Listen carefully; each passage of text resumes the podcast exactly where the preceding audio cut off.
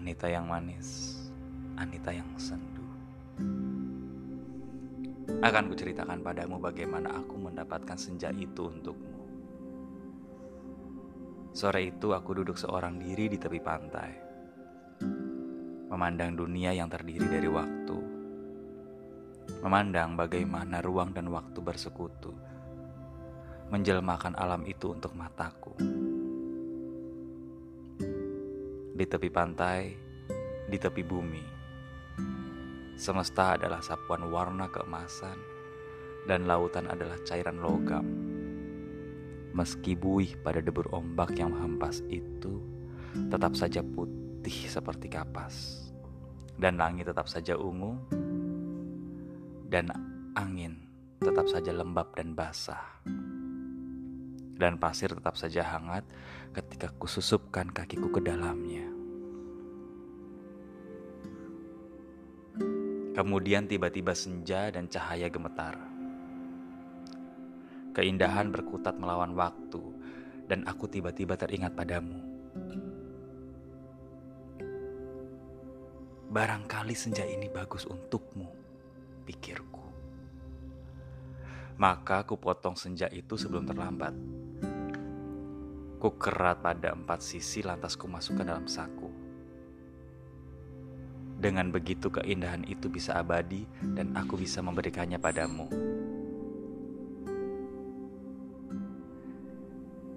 Setelah itu aku berjalan pulang dengan perasaan senang. Aku tahu kamu akan menyukainya, karena aku tahu itulah senja yang selalu kamu bayangkan untuk kita.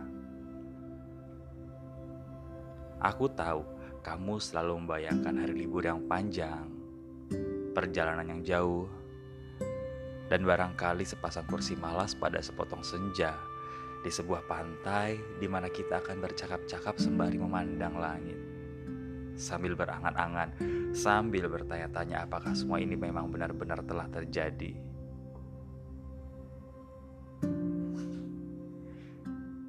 Kini senja itu bisa membawa ke mana-mana.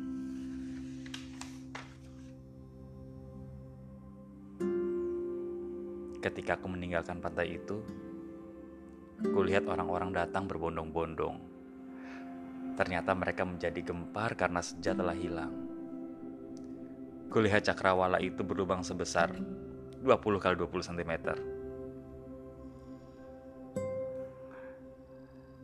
Anita sayang, semua ini telah terjadi dan kejadiannya akan tetap seperti itu. Aku telah sampai ke mobil ketika di antara kerumunan itu kulihat seseorang menunjuk-nunjuk ke arahku.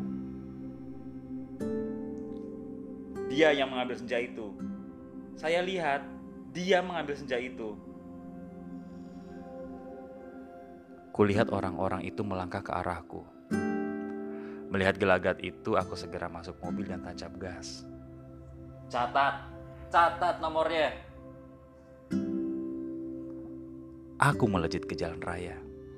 Ku kebut mobilku tanpa perasaan panik. Aku sudah berniat memberikan senja itu untukmu. Dan hanya untukmu saja, Anita. Tak seorang pun boleh mengambilnya dariku. Cahaya senja yang keemasan itu berbinar-binar di dalam saku. Aku merasa cemas. Karena meskipun kaca mobilku gelap, tapi cahaya senja cukup terang dilihat dari luar. Dan ternyata cahaya senja itu memang menembus segenap celah dalam mobilku. Sehingga mobilku itu meluncur dengan nyala cemerlang ke aspal maupun ke angkasa.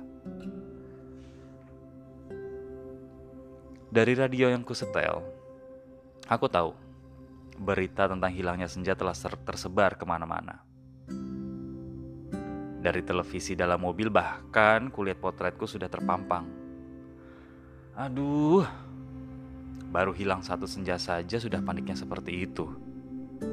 Apa tidak bisa menunggu sampai besok? Bagaimana kalau setiap orang mengambil senja untuk pacarnya masing-masing? Barangkali memang sudah waktunya dibuat senja tiruan yang bisa dijual di toko-toko dikemas dalam kantong plastik dan dijual di kaki lima. Sudah waktunya senja diproduksi besar-besaran supaya bisa dijual anak-anak pedagang asongan di perempatan jalan. Senja, senja, cuma seribu tiga.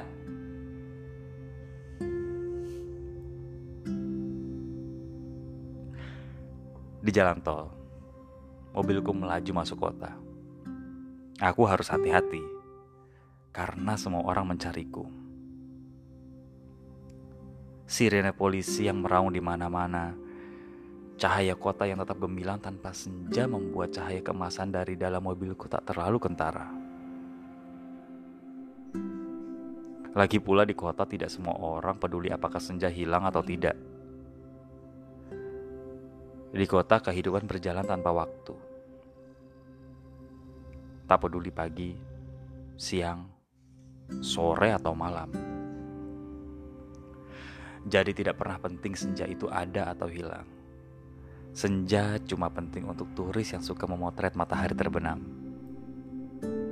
Boleh jadi, hanya demi alasan itulah senja yang kubawa ini dicari-cari polisi.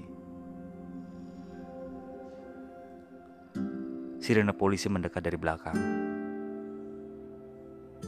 Dengan suara pengeras suara, polisi itu memberikan peringatan. Pengemudi mobil Porsche abu-abu metalik nomor SG 19658A harap berhenti. Ini polisi. Anda ditahan karena telah membawa senja.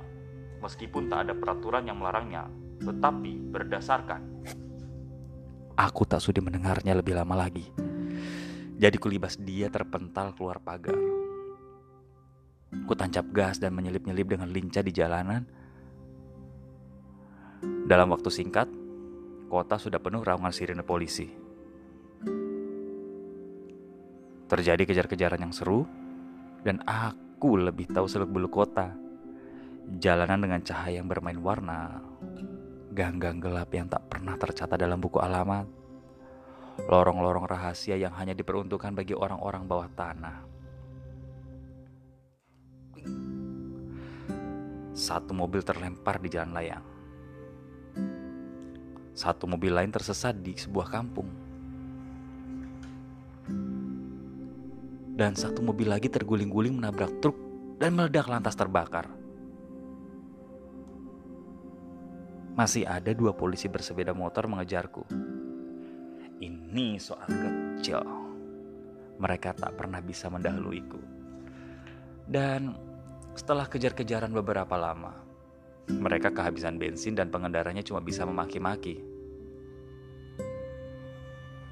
Kulihat senja dalam saku bajuku. Masih utuh. Angin berdesir. Langit semburat ungu. Debur ombak menghempas ke pantai. Hanya pada mula senja ini kuserahkan Anita.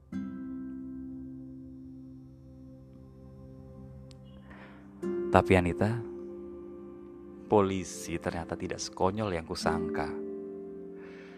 Di segenap sudut kota, mereka telah siap siaga, bahkan aku tak bisa membeli makanan untuk mengisi perutku.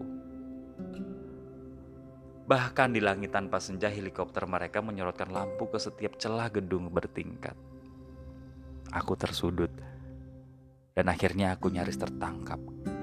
Kalau saja tidak ada gorong-gorong yang terbuka. Mobilku sudah kutinggalkan ketika memasuki daerah kumuh itu.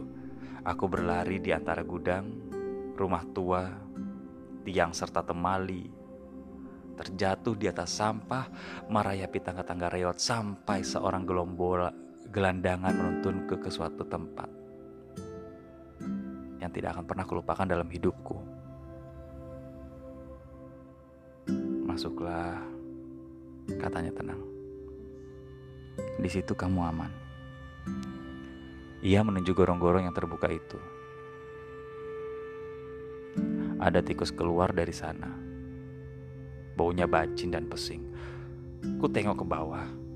Ku lihat kelawar bergantungan. Aku ragu-ragu. Namun dari helikopter itu dengan lampu sorotnya yang mencari-cari melenyapkan keraguanku. Masuklah. Kamu tidak punya pilihan lain. Dan gelandangan itu mendorongku. Aku terjerembab jatuh. Bau busuknya bukan main. Gorong-gorong itu segera tertutup dan ku dengar gelandangan itu merebahkan diri di atasnya.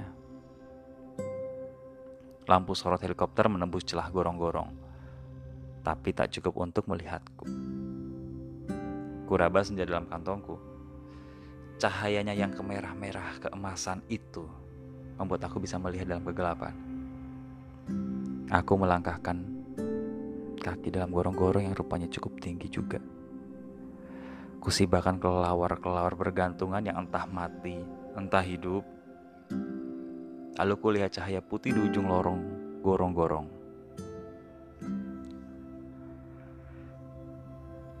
Air busuk mengalir setinggi lutut. Namun, makin ke dalam makin surut di tempat yang kering kulihat anak-anak gelandangan duduk-duduk maupun tidur-tiduran. Mereka berserakan memeluk rebana dengan mata yang tak memancarkan kebahagiaan. Aku berjalan terus melangkahi mereka dan mencoba bertahan. Betapapun, ini lebih baik daripada aku harus menyerahkan senja, Anita.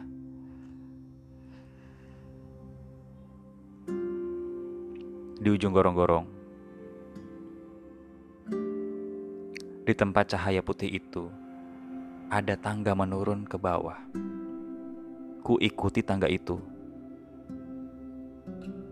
Cahaya semakin terang dan semakin benderang. Astaga. Kamu boleh tidak percaya, Anita. Tapi kamu akan terus mendengarnya. Tangga itu menuju ke mulut sebuah goa dan tahukah kamu ketika keluar dari gua itu aku ada di mana? Di tempat yang persis sama dengan tempat di mana aku mengambil senja itu untukmu Anita. Sebuah pantai dengan senja yang bagus, ombak, angin,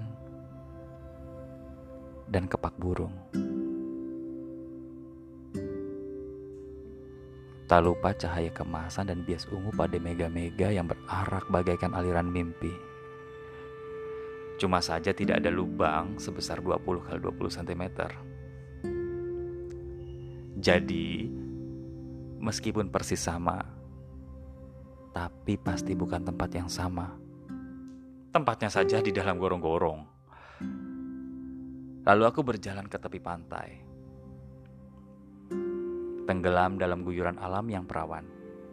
Nyur tentu saja, matahari, dan dasar lautan yang bening dengan lidah ombak yang mendesis-desis. Tak ada cottage, tak ada barbecue, tak ada marina, semua itu memang tak perlu.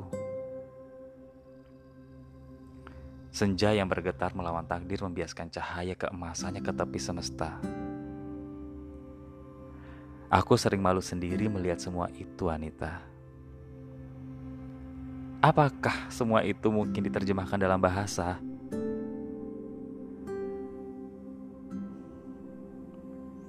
Sambil duduk di tepi pantai, aku berpikir-pikir. Untuk apakah semua ini kalau tidak ada yang menyaksikannya? Setelah berjalan ke sana, kemari, aku tahu kalau dunia dalam gorong-gorong ini kosong melompong. Tak ada manusia, tak ada tikus, apalagi dinosaurus. Hanya burung yang berkepak. Tapi ia sepertinya bukan burung yang bertelur dan membuat sarang. Ia hanya burung yang dihadirkan sebagai ilustrasi senja. Ia hanya berkepak dan berkepak terus di sana. Aku tak habis pikir Anita. Alam seperti ini dibuat untuk apa? Untuk apa senja yang bisa membuat seseorang kepingin jatuh cinta itu jika tidak ada seekor dinosaurus pun menikmatinya? Sementara di atas sana orang-orang ribut kehilangan senja. Jadi begitulah Anita. Ku ambil juga senja itu. Ku kerat dengan pisau Swiss yang selalu kubawa pada empat sisinya. Sehingga pada cakrawala itu terbentuk lubang sebesar 20 kali 20 cm Dengan dua senja di saku kiri dan kanan, aku melangkah pulang. Bumi berhenti beredar di belakangku, menjadi kegelapan yang basah dan bacin. Aku mendaki tangga kembali menuju gorong-gorong bumiku yang terkasih. Sampai di atas, aku melewati kelelawar bergelantungan, anak-anak gelandangan berkaparan, dan air setinggi lutut. Kulihat polisi-polisi berhelikopter sudah pergi.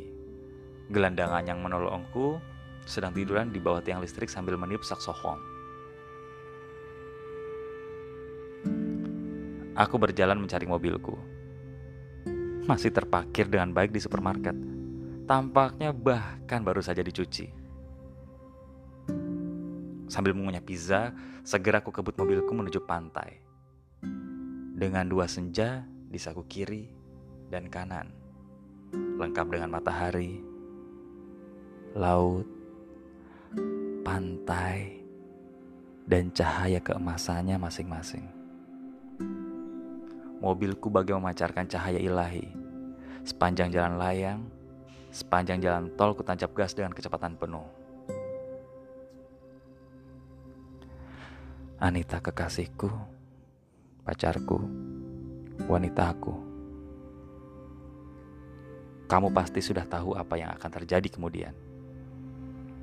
Ku pasang senja yang dari gorong-gorong pada lubang sebesar 20 kali 20 itu dan ternyata pas.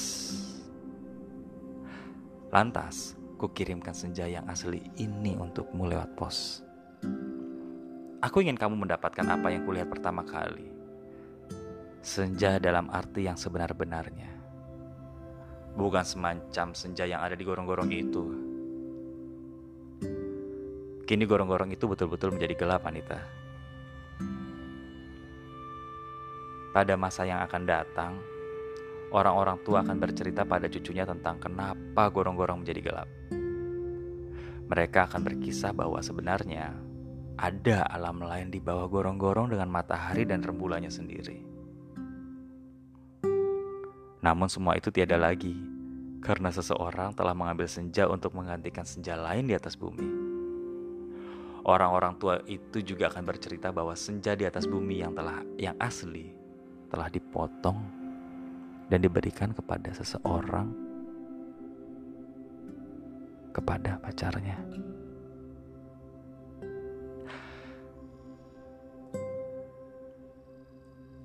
Hanita yang manis, paling manis dan akan selalu manis. Senja itu hanya untukmu.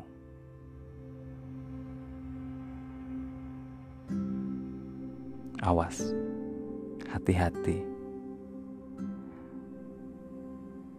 Hati-hati dengan lautan dan matahari itu.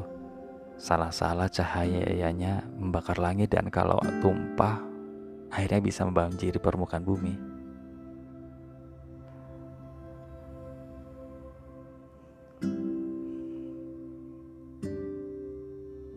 You.